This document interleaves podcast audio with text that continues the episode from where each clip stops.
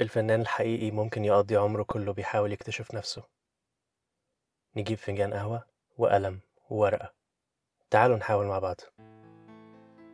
أهلا بيكم في حلقة جديدة من حلقات السينمائي أنا دكتور إبراهيم ميخائيل مخرج سينمائي وحاصل على ماجستير الفنون الرفيعة في الفيلم والتلفزيون من جامعة Mount Saint Mary's University في هوليوود كاليفورنيا. حلقة النهاردة هتكون بداية سلسلة حلقات مراحل عمل فيلم روائي طويل. إزاي تطور وتمول وتنتج وتخرج وتوزع فيلم كل واحد فينا بيبتدي في مكان. أحيانا بيسموها نبتدي من الصفر وأحيانا بنقعد ندور على الصفر. فتعالوا نوصل للصفر مع بعض. صناعة السينما الروائية بتتكون من 16 مرحلة.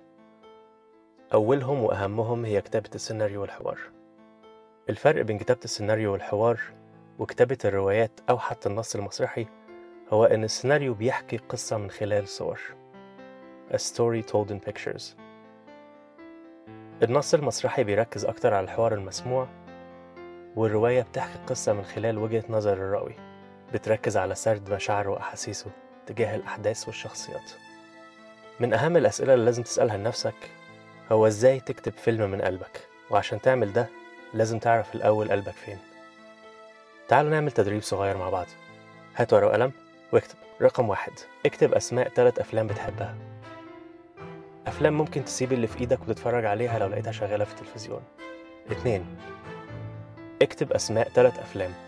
أول ما اتفرجت عليها اتمنيت إنك تكون أنت اللي عملتها. بعد ما تخلص الليستة دي ركز فيها شوية. رقم واحد هيدلك على الخيط المشترك في القصص اللي بتحبها. هل هي قصص حب؟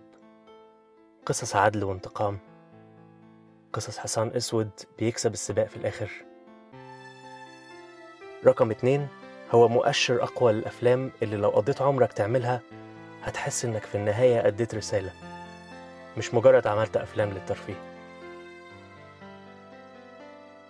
الفيلم اللي قصته تهمك وبتحرك كيانك هيكون أحسن فيلم بتعمله في أي وقت لأنك هتكون مية في المية في تناغم مع قلبك.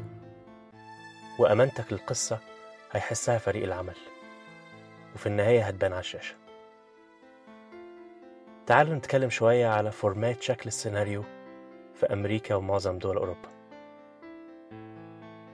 وحدة بناء أي سيناريو هي المشهد. ال scene. وكل مشهد ليه أربع أجزاء. الجزء الأول هو عنوان المشهد. scene heading الجزء الثاني هو خطوط الأحداث. action lines الجزء الثالث هو الحوار. ال dialogue. والجزء الرابع هو خطوط الانتقال. Transition Lines. عنوان المشهد أو ال scene heading بيكون فيه ثلاث معلومات مهمة جدا. هل المشهد ده داخلي أو خارجي؟ واسم المكان؟